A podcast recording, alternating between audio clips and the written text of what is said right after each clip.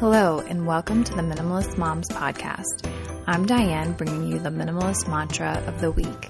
A quick five minute episode with a phrase you can meditate on and apply to your daily mom life. Me and my podcasting partner, Megan, are suburban moms trying to make room in our lives for what matters by getting rid of the clutter and living life with purpose. We're on a journey to think more and do with less. This week's mantra is slow down.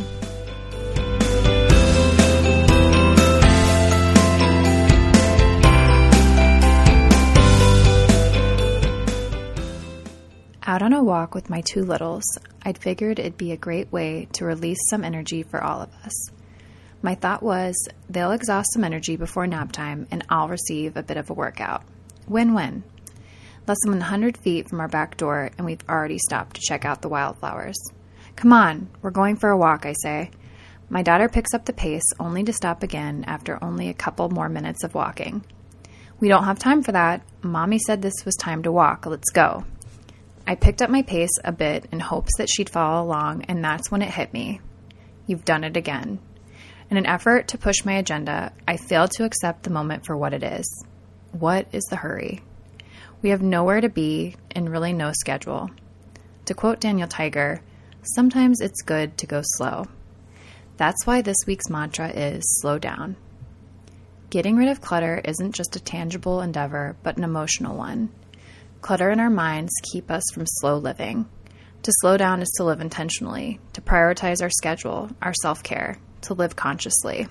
While I do believe that there is time for a more fast paced approach, more often than not, our lives could use a bit of slowing down. Take a step back and watch your child eat their pancakes. Look on as they build a castle of blocks, as they flip through books. Remove distractions while you sit with your morning cup of coffee Put your phone away while your husband shares his day. Invest in those around you. Invest by slowing down and giving conscious attention. I found that I'm a much more relaxed individual when I'm not rushing from moment to moment, when I say no more often, when I keep my mind and schedule from becoming overcrowded and overburdened.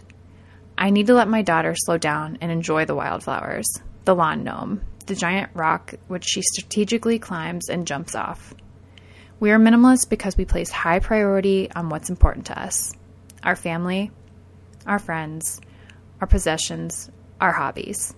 To slow down is to remain present. And, friends, what else is better than living in the present moment? Slow down. You won't regret it. Let us know how you put this week's minimalist mantra into practice on Instagram or Facebook. You can find us at, at Minimalist Moms Podcast.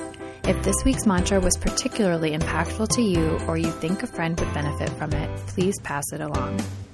We've included a complete transcript of this podcast on our website, minimalistmomspodcast.com. Or if you'd like to receive our show notes via email, text the word minimalist to 444999. You'll get an email whenever a new podcast is posted. And don't forget to leave us a rating or a review on iTunes. We throw a mini dance party every time we see one of those. We wish you a lovely week as you think more and do with less.